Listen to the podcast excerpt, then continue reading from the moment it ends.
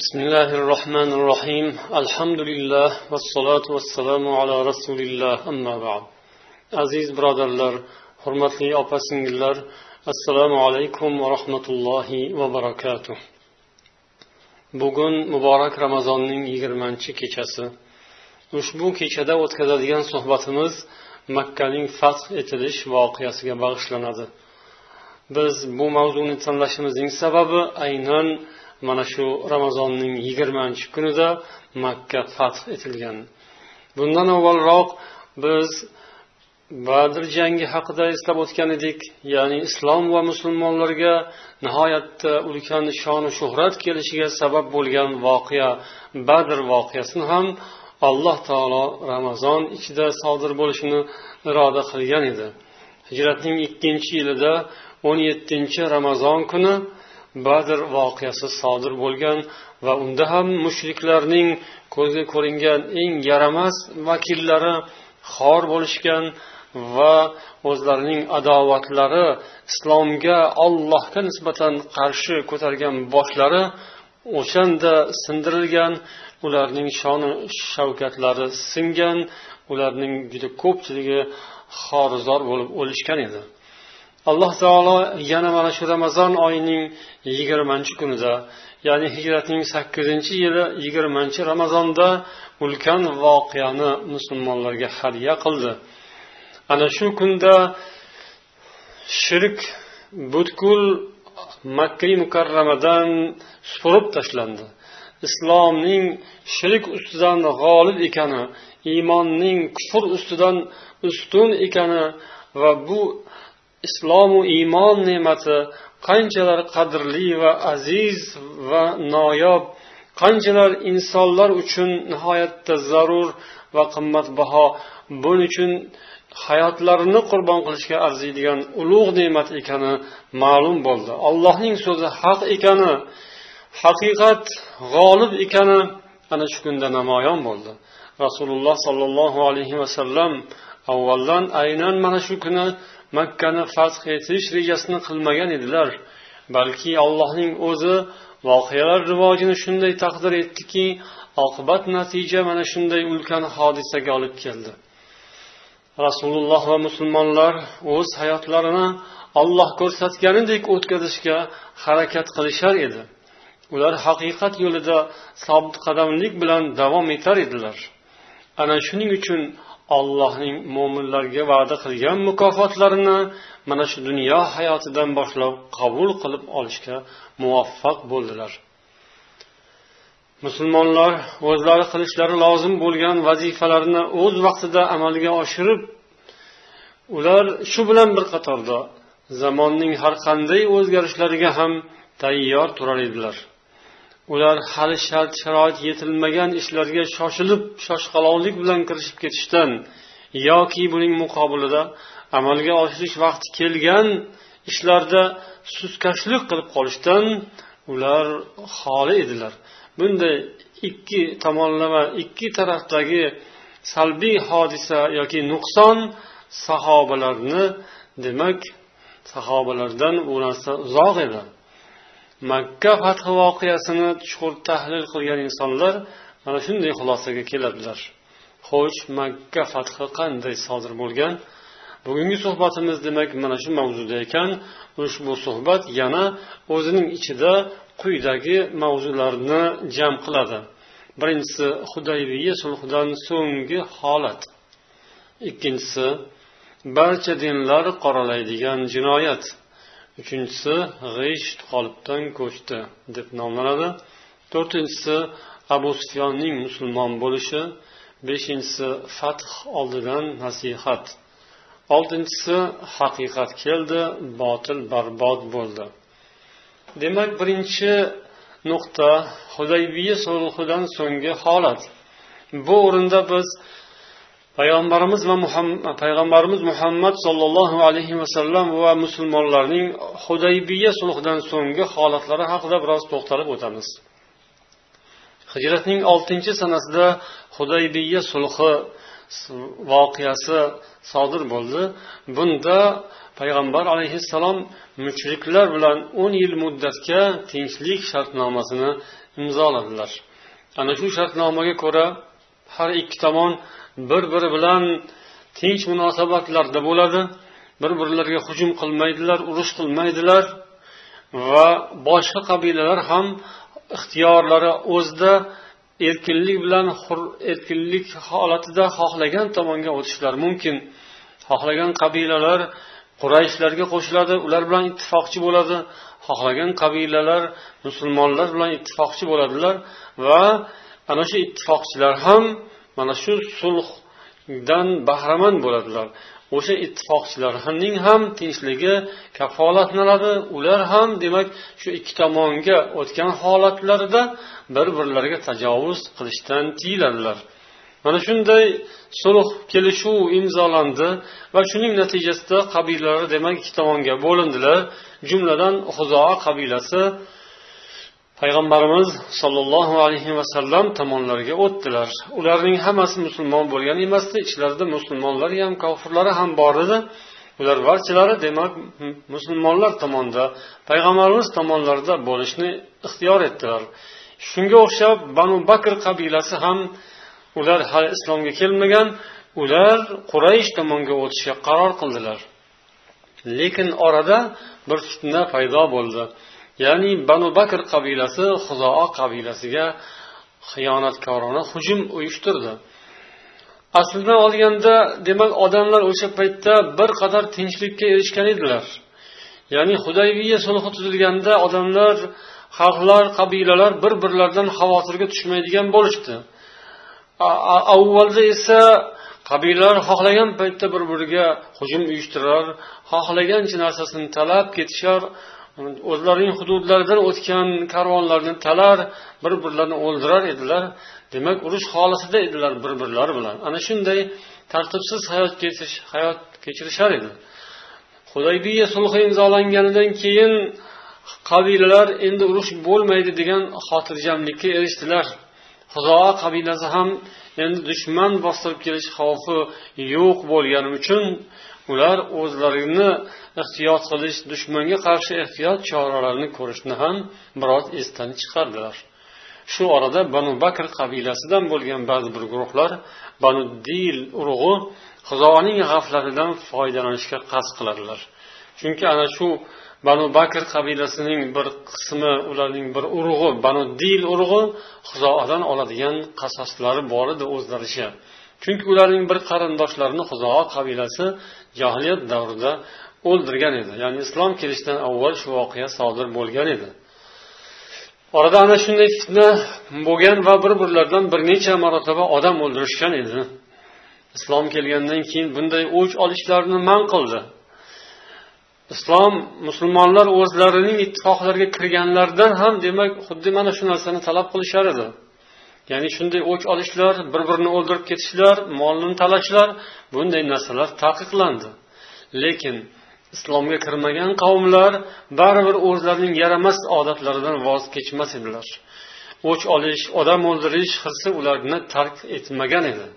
Banu bakr qavmidan bo'lgan haligi bir guruh kishilar qurayshga qo'shilib tinchlik sulhiga kirgan demak urush urush qilmaslikka tinch yashashga va'da bergan bo'lsalar ham baribir xiyonat ko'chasiga kirdilar. Xiyonat qilgan kimsalar banu bakr qabilasining banu dil urug'idan bo'lgan edilar. Ana shu urug' quraysh bilan til biriktirdilar. Quraysh qabilasining kattalari raislari bilan maxfiy ravishda til biriktirib huzoa qabilasiga hujum uyushtirdilar. Ular huzoa qabilasining biroz beparvo bo'lib um, xotirjam hayot kechirayotganidan foydalanmoqchi bo'ldilar. Ana shunday pastkashlikka bordilar. Qurayshiylar ham bu fitnani amalga oshirish rejasini qo'llab quvvatlashdi va banu bakrga qurol yaroq yetkazib berishdi. Yana shu bilan bir qatorda qurayshiylardan bir necha shaxslar taniqli shaxslar ham bu hujumda o'zlarini oshkora qilmagan holda yuzlariga niqoblar tutgan holda bu hujumda ishtirok etdilar. Demak barcha dinlar qoralaydigan jinoyat sodir bo'ldi. Ya'ni banu dil qabilasidan bo'lgan navfal bin muaviya o'zining so'ziga kirgan uning gapiga ko'ngan uning fitnasini qo'llab quvvatlagan odamlar bilan birga demak yo'lga chiqadi. Ular xuzoaning yashayotgan mahallasiga keladilar. Bu vatir degan joyda edi. Ana shu yerda xuzoaga tunda ular hujum uyushtiradilar. Subulul huda va rashad kitobida keltirilishida keltirilishicha ular yuzlariga niqoblar tutgan holda keladilar. Ya'ni qurayishlarning kattalari o'zlarini tanitmaslik uchun yuzlariga niqob kiyib olgan edilar. Bular ikrima bin abi jahl huvaytib bin abdul uzza shayba bin usmon mana bular. Lekin bular keyinchalik musulmon bo'lishgan. Yana ularning ichida mikraz bin hafs mana bular o'zlarining qullarini ham hatto majburlab mana shu urushga olib keladilar. Ular kechasi tunda huzo qabilasi tinch uxlab yotgan xotirjam uxlab yotgan paytda hujum qiladilar. Ular nihoyatda xotirjam bo'lib qolishgan demak g'aflatda qolishgan edi. Hujum uyushtirilgan paytda juda ko'plab bolalar ayollar va qariyalar keksa odamlar halok bo'ladi. Ular ana shu kuni ana shu tunda banu bakr qabilasi to sahar paytigacha qirg'in qilishadi. Qiy chuv to's to'polon banu huzoa qabilasi o'zini o'nglab ololmaydi. Ulgurgancha erkaklari qo'lga qurol olib qarshi kurashga harakat qilishadi urushishadi himoya qilishga ammo ular juda ko'p narsani yutqazishadi ya'ni uddasidan chiqa olishmaydi. O'sha yerda yigirmatacha odam qatl qilinadi o'ldiriladi. Ular haramga qarab qochadilar. Banu bakr qabilasining haligi qotillari u jinoyatchilari haramgacha quvlab boradilar. Bu ishlarning boshida turgan navfal bin muoviyaning atrofidagilar navfalni hatto haramgacha qarab haligi qochayotganlarni quvlab borib o'ldirayotganini ko'rgandan keyin hatto o'zining yonidagi odamlar ham uni to'xtatishga harakat qilishadi. Ya navfal ilahaka ilahaka qad haram deyishadi. Ey navfal to'xta xudodan qo'rq xudoying xudoying hozir san haramga kirib qolding deyishadi. Ya'ni johiliyat davridagi arablar ham haramning hurmatini shunday saqlashar edi. Ular kaba va uning atrofi haram hududini ana shunday muqaddas deb bilardilar va u yerda odam o'ldirish urush qilish ular uchun ham harom edi. Lekin ashaddiy jinoyatchilar esa bunday hududlarni ham buzib yuboraverar edilar. O'shanda navfal bin muaviya nihoyatda bir dahshatli so'zni aytgan ekan. Ya'ni xudoyingdan qo'rqqin to'xtagin deganda bugun mening xudoyim yo'q ey banu bakr degan so'zlarni gapirdi. Olloh qasamki qasamki umrimga qasamki hayotimga qasamki dedi u. Sizlar hajga keladiganlarni haramda tunaysizlar talaysizlar molini olasizlar. Ammo endi mana o'chingizni oladigan payt kelganda orqaga tashlaysizlarmi? Yo'q sizlar endi o'chlaringizni qasoslaringizni olishga o'tishingiz kerak. Degan so'zlarni aytib u qilayotgan jinoyatidan to'xtamasdan yana davom etaveradi. Odamlarni o'ldirishda. Xudo qabilasi esa dodi faryod qilib u yerda ba'zi bir xonadonlarga kirib yashirinishadi. Budayl bin varaqoning uyiga va yana o'zlarining ozod qilgan qullari rofining uyiga kirib bekinishadi. Qurayshlar esa sahar vaqti yaqinlashganda uylariga hammalar tarqalishadi. Ya'ni tunda bu jinoyatni sodir etishadi va hech kimga bildirmaslikka harakat qilishadi. Tunda qirg'in qilib keyin sahar payti hammalar uylariga kirib yotib oladilar. Lekin bu narsa demak ertalab oshkor bo'ladi hamma yoqqa demak tarqaladi xudo qabilasi budayl va rofiyning ostonalarida ularning jasadlari yotgan bo'ladi. Shundan keyin ular qattiq g'azabga keladilar va xudo qabilasidan bir necha odamlar yig'ilishib payg'ambarimiz sollallohu alayhi vasallam oldilariga boradilar bo'lgan voqeani aytib quraysh ustidan va banu bakr qabilasi ustidan shikoyat qiladilar va bu masalaga bu masalada yordam berishlarini so'raydilar. Rasululloh sollallohu alayhi vasallam buni eshitib nihoyatda xafa bo'ladilar. Agar man bularga yordam bermasam menga hech kim yordam bermaydi. Men ham yordamsiz qolaman. Ya'ni agar bu zulmni bu zulmni qaytarishga man agar kirishmaydigan bo'lsam unda menga ham nusrat kelmaydi. Olloh menga yordam bermaydi. Olloh ham menga yordam bermaydi degan so'zlarni aytib payg'ambarimiz sollallohu alayhi vasallam albatta ularni himoya qilishga otlanadilar himoya qilishni aytib rasululloh o'rnlaridan turadilar. Keyin shunda deydilarki endi yaqinda abu sufyon keladi ya'ni o'rtadagi sulhni o'rtadagi kelishuvni yangilash uchun keladi lekin u endi hech narsaga erisha olmaydi deydilar. Darhaqiqat mana shu voqea sabab bo'lib mana shu fitna sabab bo'lib g'isht qolipdan ko'chgan edi. Ya'ni mushriklar o'zlarining halokatlarini o'zlarini qo'llari bilan paydo qilishadi. Quraysh bu voqeadan keyin hushi joyiga keladi ko'zi ochiladi qilgan jinoyatini anglab yetadi. Bu ish nihoyatda katta xato bo'lgani endi buning oqibati ham xunuk bo'lishini ular sezadilar. Shundan keyin ular abu sufyonni chaqirib unga tayinlaydilar uni. Payg'ambar sollallohu alayhi vasallamning oldilariga borib shartnomani yangilashni buyuradilar. Ya'ni o'zi shartnoma turibdiku lekin shu shartnomani yana qaytadan ta'kidlab qaytadan yangilab yana tinchlik tinchlik deb endi yana shu tinchlikni saqlab qolishimiz kerak.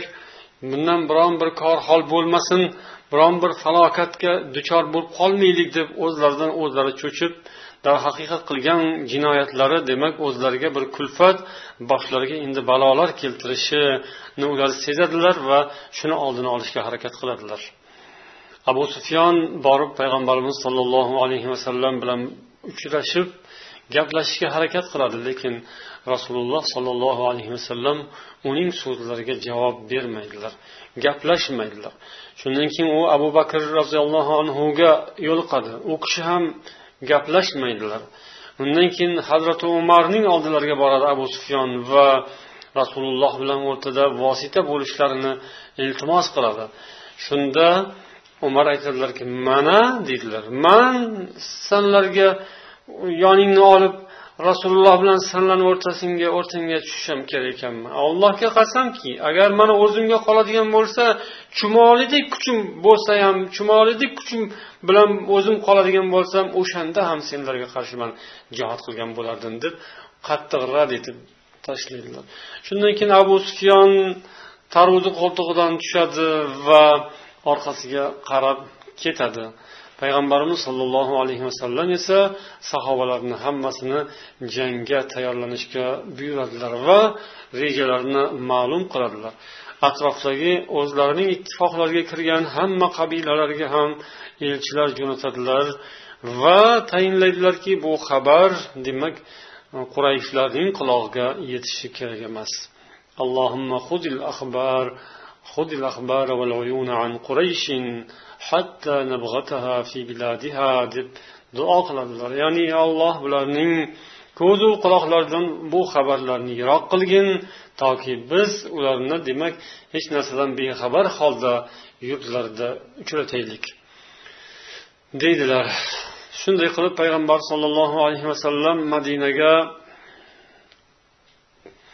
madinaga o'zlarining o'rnlariga kulsum bin husaynni qoldiradilar va chorshanba kuni ramazon oyining o'ninchi kunida ya'ni ramazondan o'n kun o'tganda asr namozidan so'ng yo'lga chiqadilar.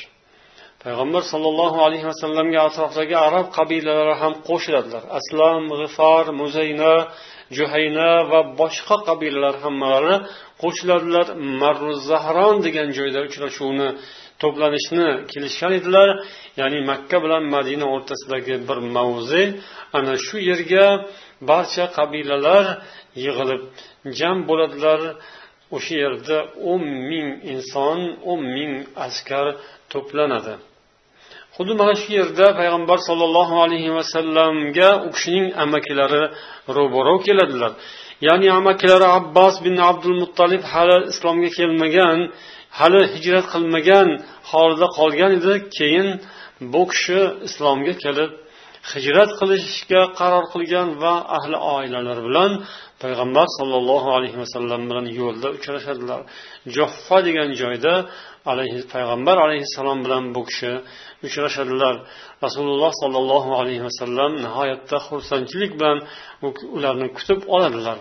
Yana abuvo degan joyga kelganlarida amakilarining o'g'li abu sufyon ibn haris va u kishi ammalarining o'g'li abdulloh bin abi umayya ham islomga kelib rasululloh sollallohu alayhi vasallamga qo'shilish uchun kelayotganlarini ko'radilar. Ular aslida rasulullohga eng qattiq dushmanlardan bo'lgan edilar. Payg'ambarimiz ularning islomlarini qabul qildilar va nihoyatda xursand bo'lganlarini bildirdilar.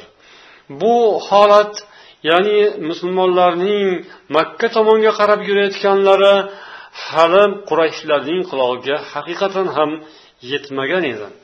Ular faqat vahimada o'tirishgan edi xolos. Nima bo'layotganini bilmasdan atrofdagi xabarlardan ham ular bexabar holda o'tirishgan.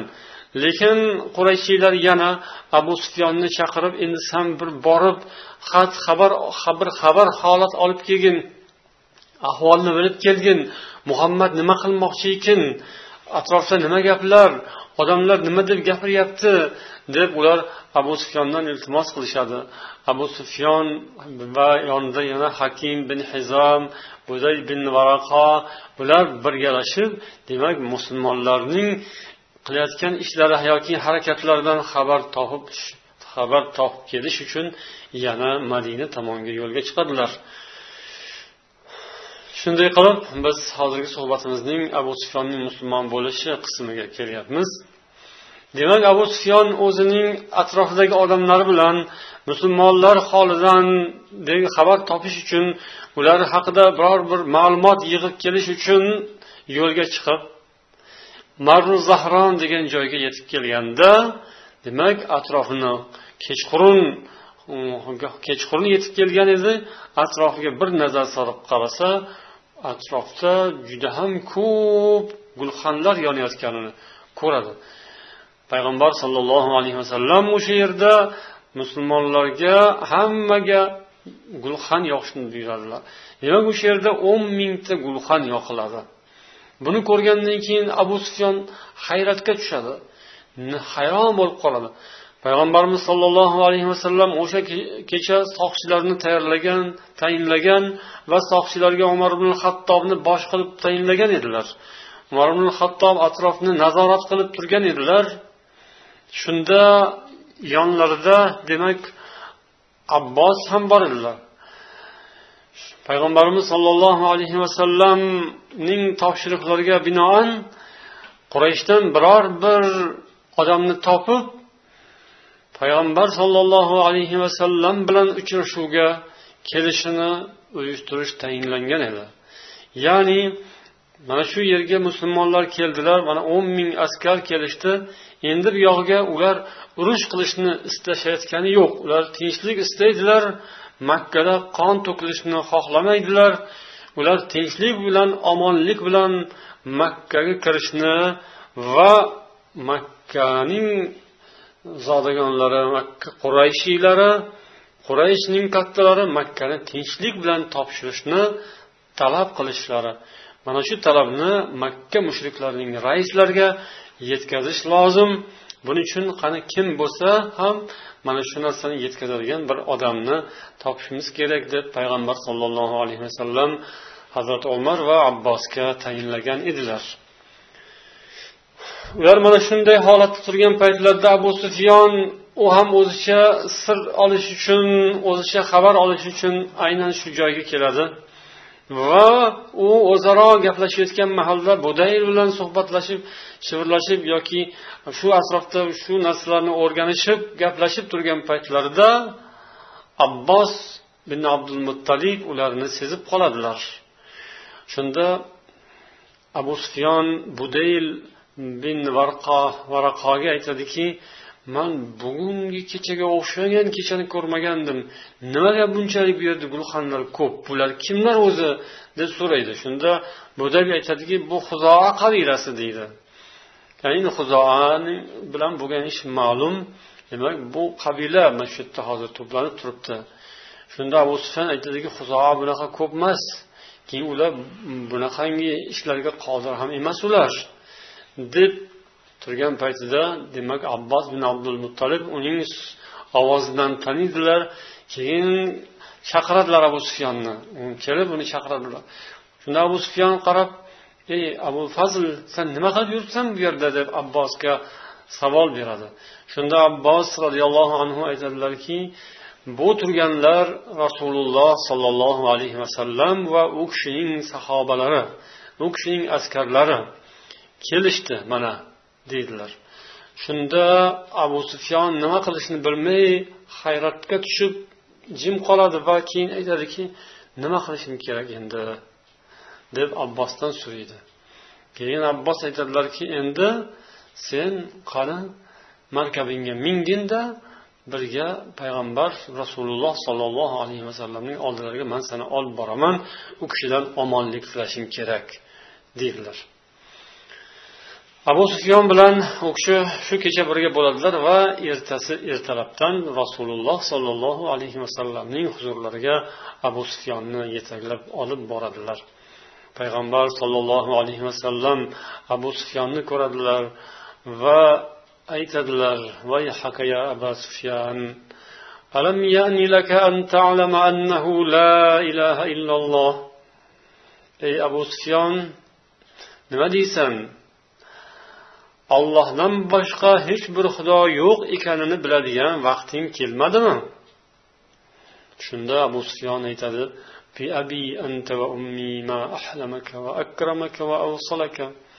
otam onam sizga fido bo'lsin. Siz qandayyam bir ajoyib insonsiz qandayyam bir muloyim tabiatli qandayyam bir oliyjanob insonsiz. والله لقد ظننت أن, لا أن لو كان مع الله إله غيره لقد أغنى عني شيئا بعد allohga qasamki agar ollohdan boshqa biror bir xudo bo'lganda shu vaqtgacha bizga yordam bergan bo'lardi birorta ishimizda yordam bergan bo'lardi deydi keyin payg'ambarimiz sollallohu alayhi vasallam ويحك يا أبا سفيان ألم يأن لك أن تعلم أني رسول الله ey abu sufyon endi nima deysan meni ollohning rasuli ekanimni biladigan vaqt kelmadimi shunda abu sufyon deydi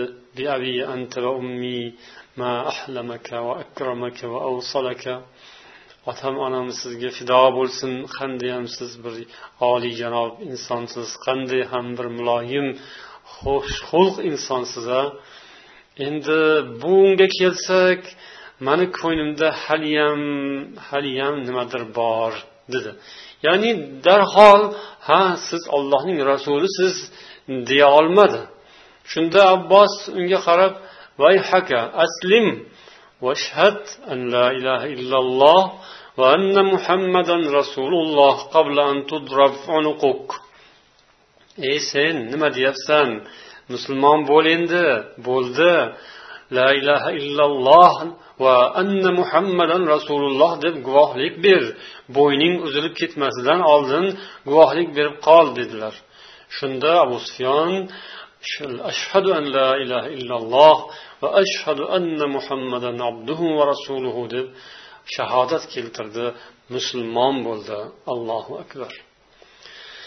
Shundan keyin abbos rasululloh sollallohu alayhi vasallamga qarab dedilarki yo rasululloh bu abu sufyon shu faxrni sharafni yaxshi ko'radigan odam. Shuning uchun bunga o'shanday faxr bo'ladigan ishlardan birortasini bering ayting dedilar. Payg'ambar alayhissalom mayli dedilar.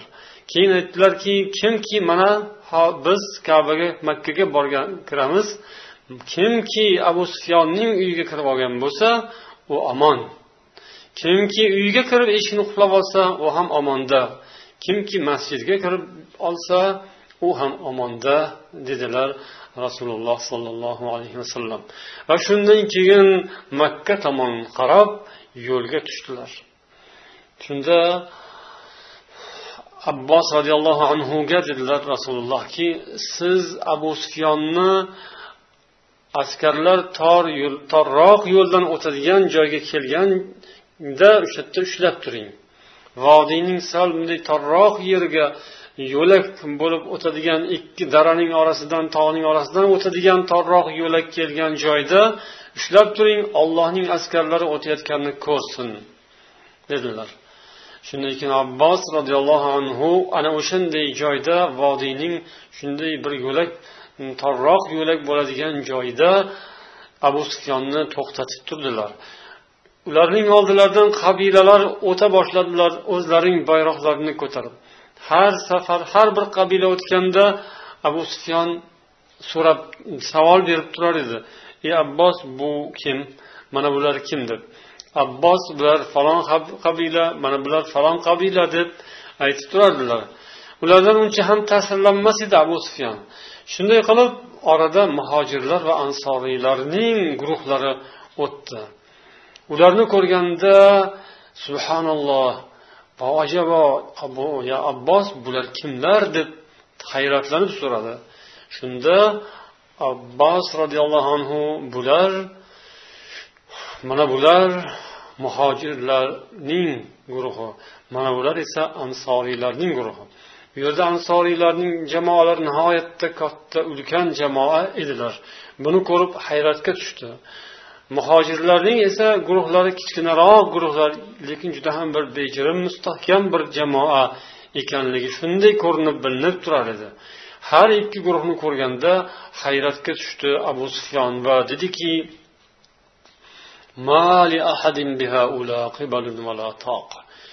yo'q bularga bularga hech kim bas kela olmaydi. Bularning ro'barasiga hech kim chiqa olmaydi dedi. Keyin aytdiki vallohi ya abal fadl laqad asbaha mulku ibni akhika g'adata aziman. Ey abul fazl sening jiyaningning podshohligi nihoyatda buyuklashib ketibdi dedi. Shunda abbos ya abu sufyon dedilar. Ey abu sufyon bu nubuvvat bu bu payg'ambarlik dedilar. Ya'ni bu podshohlik emas. Shunda ha to'g'ri aytasan deb abu sufyon tasdiqladi. Abbos roziyallohu anhu ansoriylarning bayroqlarini ko'targan sad ibn ubodani tanishtirdilar ko'rsatdilar. Mana bu ansoriylar va keyin mana bu muhojirlar deb. Ansoriylarning raislari sad ibn ubodaning jamoalari o'tayotgan paytda ansoriy sad ibn uboda abu sufyonni ko'rib unga so'z qotdilar. Ey abu sufyon bugun kattakon urush qirg'in bo'ladigan kun. Bugun kabada urush qilish halol bo'ladigan kun dedilar. Abu sufyon jim qoldi. Keyin oradan biroz o'tib payg'ambar sollallohu alayhi vasallam bilan birga ansoriylar jamoalari o'ta boshladilar. Shunda ularning qo'llarida zubayr ibn avvomning qo'lida edi muhojirlarning bayrog'i. Payg'ambarimiz sollallohu alayhi vasallam abu sufyonning oldidan o'tayotganlarida abu sufyon sad ibn ubodaning aytgan so'zini rasulullohga yetkazdi. Sad ibn uboda mana shunday dedi.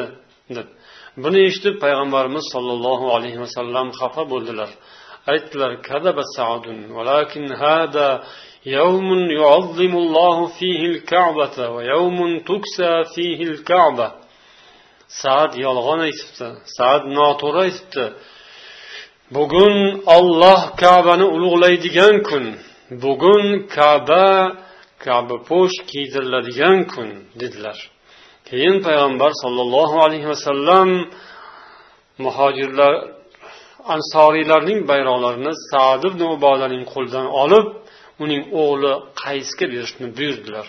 Demak saadning haligi so'zi rasulullohga yoqmadi.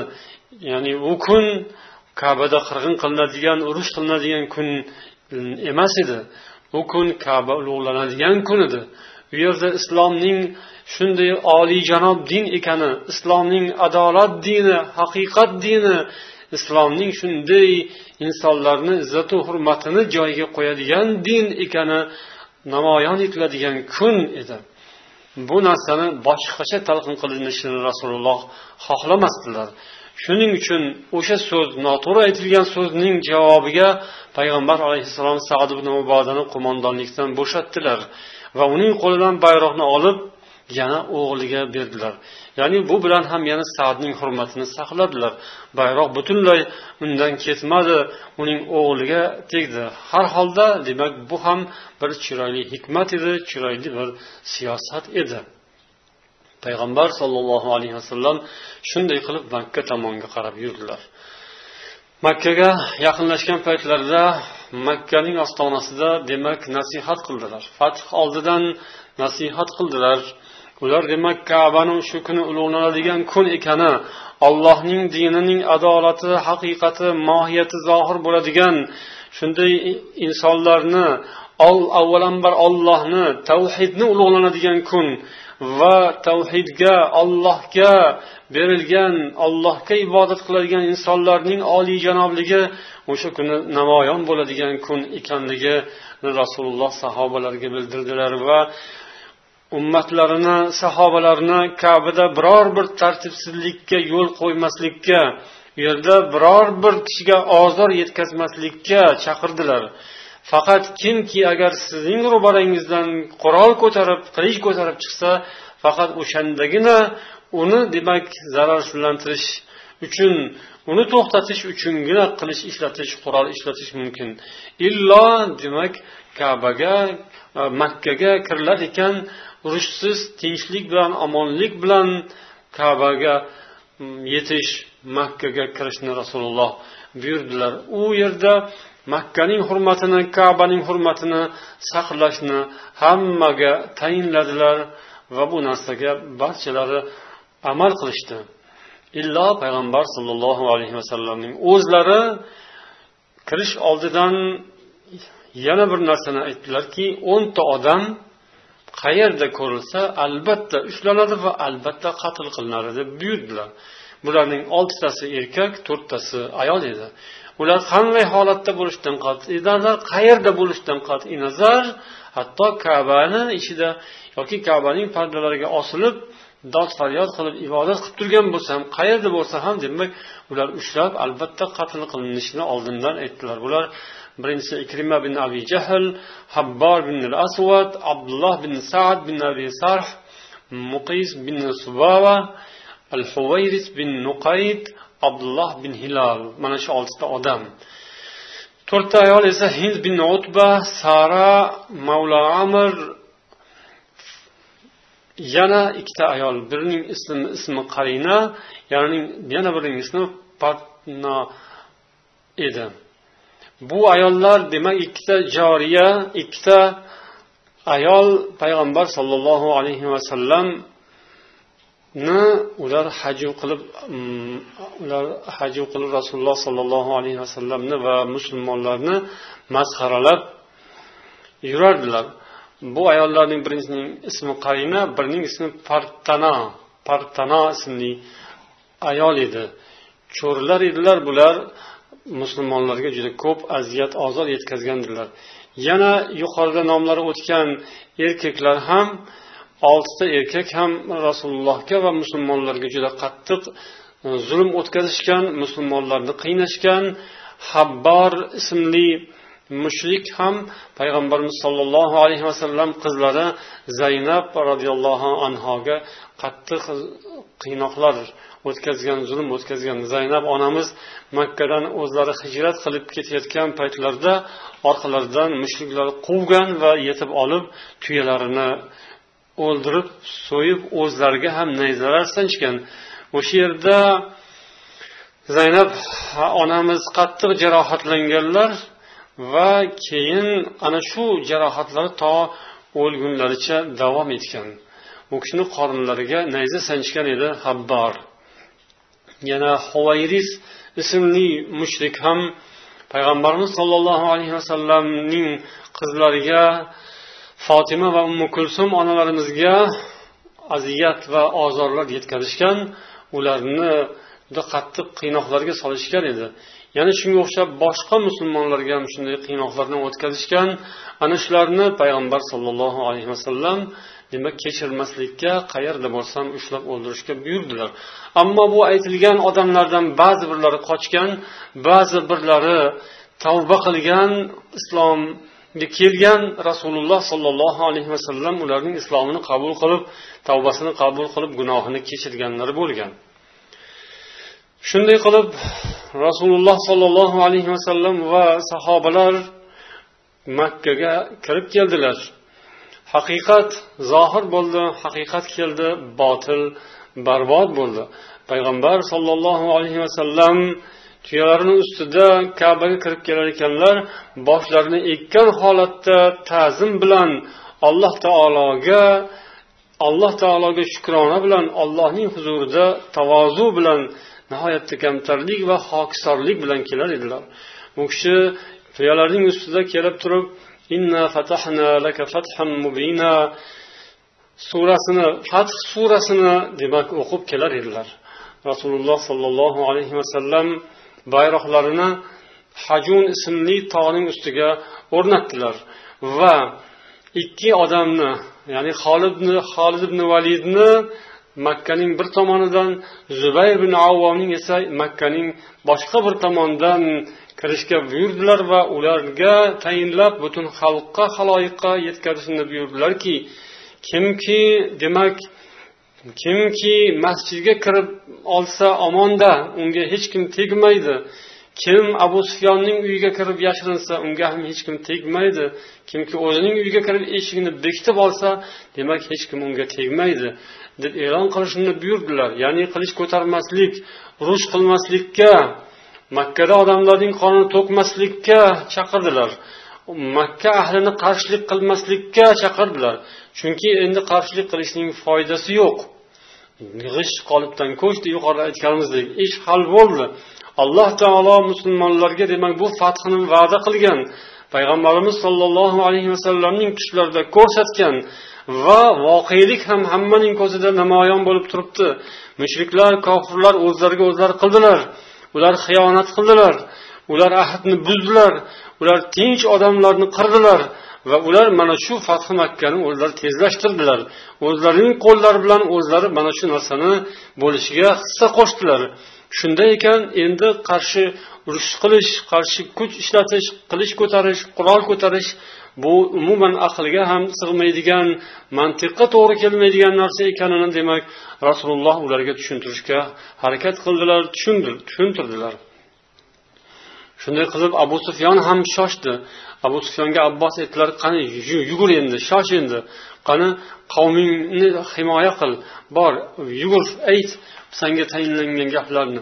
Shunday qilib abu sufyon ham kelib ovozning boricha ko'tarib ya ma'shara quraysh hada muhammad qad jaakum fima la lakum bih. Ey quraysh bu muhammad nihoyatda katta askar bilan kelyapti. Umuman iloji yo'q toqatingiz yetmaydi. Qoching bekining bekining qoching yo'ldan. Abu sufyonni uyiga kirib olsangiz qutulasiz yoki o'zingizni uyingizga shunda abu sufyonning xotini hind bu gaplarni eshitib g'azabi kelib nihoyatda jahli chiqib g'azabi keldi. Erining soqoliga mo'ylovlariga yopishib tintalab tortqinlab uni mushtlay boshladi. Uni haqoratlab ahmoq yaramas pastkash deb haqoratlab so'kib ketdi. Qanday bir pastkash odamsan qanday qo'rqoq odamsan yaramassan ey odamlar! Buni gapiga ishonmanglar o'ldiringlar buni! O'ldiringlar bu qo'rqoqni deb eriga odamlar qarshi qayray boshladi. Lekin abu sufyon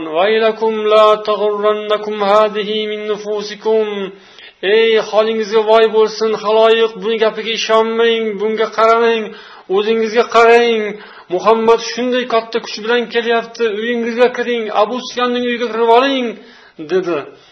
Odamlar uni eshitib ey olloh jazoingni bersin sani sani uying bizga nima qilib berar edi? Dedilar va orqalariga qarab hammalari tarqalib o'zlarini uy uylariga kimdir masjidga kirib ketdi kimdir o'zining uyiga kirib ketdi. Musulmonlar esa butun atrofdan demak bir qismlari yuqoridan bir qismlari quyidan bo'lib rasululloh sollallohu alayhi vasallam o'zlari makkaning yuqori tomonidan kada degan joy tomonidan kirib keldilar. Hmm. holid ibn valid esa kuday degan pastki quyi qismdan kirib keldilar. Shunday qilib payg'ambarimiz sollallohu alayhi vasallam to'ppa to'g'ri kabaga bordilar. O'sha lahzalarda kabaning atrofi butlar bilan to'lg'azib tashlangan edi.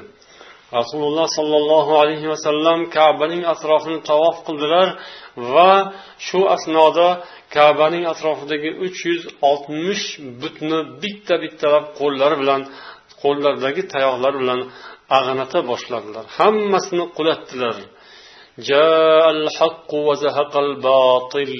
إن الباطل كان زهوقا إن الباطل كان زهوقا oyatini o'qir edilar isro surasining sakson birinchi oyati. Haq keldi botil barbod bo'ldi. Albatta botil yo'q bo'luvchidir. Allohning oyati va'dasi haqiqat keldi. Islom nuri keldi. Botil esa parcha parcha bo'ldi barbod bo'ldi. Hamma sanamlar butlar qulab sinib yuz tuban ag'anay qulay boshladi. Keyin payg'ambarimiz sollallohu alayhi vasallam kabaning ichiga kirdilar. Uning ichida ham bir qancha butlar va suratlar bor edi. Ichida mushriklar o'zlari chizib qo'ygan suratlari bor edi. Go'yoki ibrohim alayhissalomni ular tasvirlab suratlarini chizishgan edi.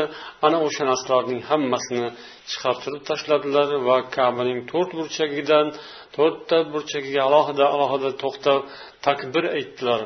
Allohni ulug'ladilar. Ollohni yolg'iz ekanini izhor etdilar. Tashqarida esa kabaning atrofida quraysh hammasi to'planib kutib turardi. Rasulullohning harakatlarini ular kuzatib turardilar. Rasululloh chiqdilar. Chiqib kabaning ikki eshigiga ikkita qo'llarini qo'yib dedilar. La ilaha illalloh vahdahu la sharika lah. Lahul mulku va lahul hamd.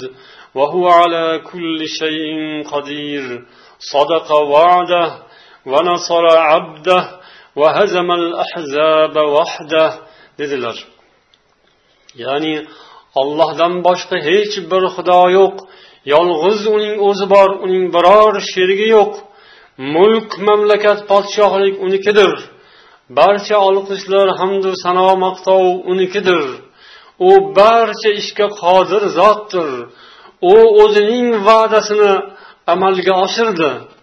U bandasiga nusrat ato qildi. U barcha hizblarni yolg'iz o'zi mahv qildi mag'lub etdi dedilar. Ya'ni bu ishlarni ollohga nisbat berdilar ollohni ulug'ladilar. Mushriklar ichida ollohni ulug'lab u zotning qudratini ularga yetkazdilar ko'rsatdilar tushuntirdilar e'lon qildilar. Man u qildim man bu qildim yoki biz qildik biz u qildik biz zo'rmiz degan so'zlarni aytmadilar. Chunki bunday so'zlar johillar va johil hukmdorlarning so'zidir. Ular qilgan ishlarini ham qilmagan ishlarini ham o'zlariga nisbat berib maqtanadilar. Ular ollohni esdan chiqargan insonlar ular. Olloh esida bor odam har bir ish ollohdan ekanini olloh shunday qudratli zot ekanini u barcha guruhlarni xohlagan soatda vaqti soati bilan mahov etajagini va solih bandalarga u nusrat madad yordam ato qilishini solih bandalar muttaqiy bandalar muvahhid bandalar taqvoli va tavhidni tushungan va unga amal qilgan bandalargina biladilar tushunadilar amal qiladilar. keyin rasululloh sollallohu alayhi vasallam yana davom etdilar ya mashara quraysh ey quraysh jamoasi إن الله قد أذهب عنكم نخوة الجاهلية وتعظمها بالآباء alloh taolo sizlardan johiliyat maqtanchoqligi faxrini ketkazdi ota bobolari bilan maqtanishni yo'q qildi annasu min adam odamlar odamning bolasidirlar adamu min turob odam esa turpoqdan paydo bo'lgan يا أيها الناس إنا خلقناكم من ذكر وأنثى وجعلناكم شعوبا وقبائل لتعارفوا إن أكرمكم عند الله أتقاكم إن الله عليم خبير. Ey insonlar biz sizlarni bir erkak va bir ayoldan yaratganmiz. Va sizlarni bir biringiz bilan tanishishing tanishing uchun tanishishlaringiz uchun turli xil xalqlar va qabilalar qilib qo'yganmiz. Sizlarning ichingizda olloh huzurida eng hurmatli bo'lganingiz eng taqvoli bo'lganingizdir. Albatta olloh hamma narsani biluvchi hamma narsadan xabardor zotdir hujrot surasi o'n uchinchi oyat mana shu oyatni o'qidilar yana dedilarki ya mashara quraysh ma tazunnuna anni fa'ilun bikum ey quraysh jamoasi men hozir sizlarga qanday muomala qilaman nima deb o'ylayapsizlar قالوا خيرا أخ كريم وابن أخ كريم ular aytdilarki faqat yaxshilikni gumon qilyapmiz yaxshilik o'ylayapmiz chunki sen oliyjanob birodarsan oliyjanob birodarimizning o'g'lisan deyishdi shunda rasululloh sollallohu alayhi vasallam dedilar فإني أقول لكم كما قال يوسف لإخوته لا تثريب عليكم اليوم يغفر الله لكم وهو أرحم الراحمين men bugun sizlarga yusuf o'zining birodarlariga aka ukalariga aytgan so'zini aytaman bugun sizlarga hech qanday malomat yo'q alloh taolo sizlarni mag'firat qilajak u mehribonlarning eng mehribonidir idhabu boraveringlar sizlar hammangiz ozodsizlar dedilar. Sollallohu alayhi vasallam allohning salomi duosi va rahmatlari bo'lsin u zotga. Shundan keyin bu kun o'tdi. Ertasiga ikkinchi kuni ya'ni fathi makkaning ikkinchi kuni payg'ambar sollallohu alayhi vasallam yana xutbaga turdilar. Odamlar ichida xutba qildilar.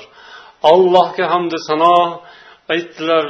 keyin dedilarki إن الله حرم مكة ولم يحرمها الناس فلا يحل لامرئ يؤمن بالله واليوم الآخر أن يسفك بها دما ولا يعضد بها شجرة alloh taolo bu makkani harom qilgan ya'ni hurmatini farz qilgan u yerda noto'g'ri ishlarni qilish jinoyat qilish odamlarni qonini to'kish boshqa ishlar harom degan ma'noda. Olloh makkaning hurmatini farz qilgan uni odamlar harom qilmaganlar ya'ni bu hurmatni odamlar farz qilmaganlar shunday ekan hech bir insonga ollohu oxiratga iymon keltiradigan biror bir insonga makkaning hurmatini bekor qilishi joiz emasdir mumkin emasdir.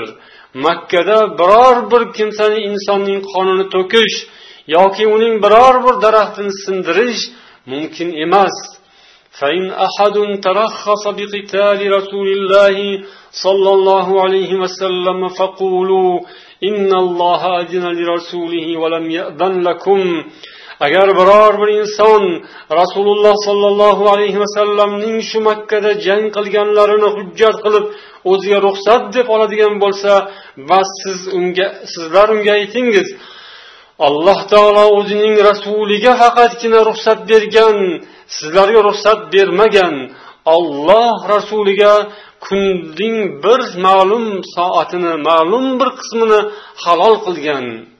Va uning hurmati makkaning hurmati yana kechagi hurmati kabi bugun yana o'z joyiga qaytdi. Bu so'zlarni eshitganlar eshitmaganlarga yetkazsin dedilar payg'ambarimiz sollallohu alayhi vasallam keyin payg'ambar alayhissalom makkada o'n to'qqiz kun istiqomat qildilar. Shu kun davomida namozlarni qasr qilib o'qidilar chunki u kishi musofir safar niyatini to'xtatmagan edilar. U yerda turgan kezlari shu muddat davomida hammani tavhidga chaqirdilar. Yakka ollohning o'zigagina sig'inish shirkka yo'l qo'ymaslikka da'vat qildilar. Tavhidning ustunlarini mustahkam o'rnatdilar. Islomning asoslarini mustahkam o'rnatdilar. Iymon e'tiqodni da'vatini qildilar va odamlar bilan bayat qildilar. mujashi roziyallohu anhudan rivoyat qilinadi ataytu nabiy sollallohu alayhi vasallam bi akhi ba'da al-fath li yubayi'ahu ala al-hijrati men ana shu fathdan keyin ukamni olib keldim payg'ambar sollallohu alayhi vasallamning oldilariga rasululloh bilan birga hijrat qilishni zikr qilib shu shunga bayat qilish uchun olib keldim deydilar فقال رسول الله صلى الله عليه وسلم endi hijrat ahli hijratni olib ketdilar. Ya'ni endi hijrat ahli hijrat qilganlar o'sha fathi makka bo'lmasidan oldin hijrat qilishdi. Hijrat tugadi. Hijratning savobi nihoyatda ulug' edi.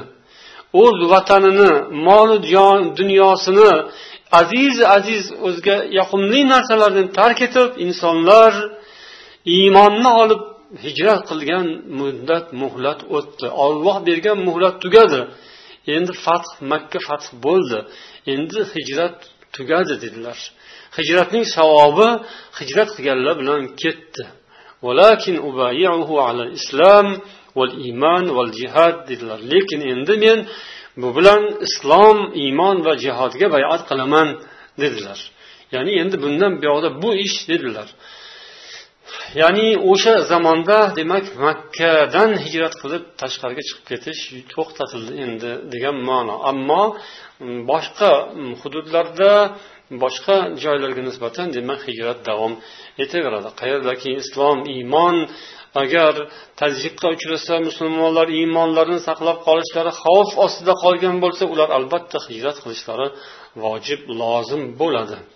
Mana shunday qilib alloh taoloning nusrati allohning madadi bilan makkai mukarrama fath bo'ldi musulmonlar ixtiyoriga o'tdi odamlar ollohning diniga jamoa jamoa bo'lib qabila qabila bo'lib kira boshladilar.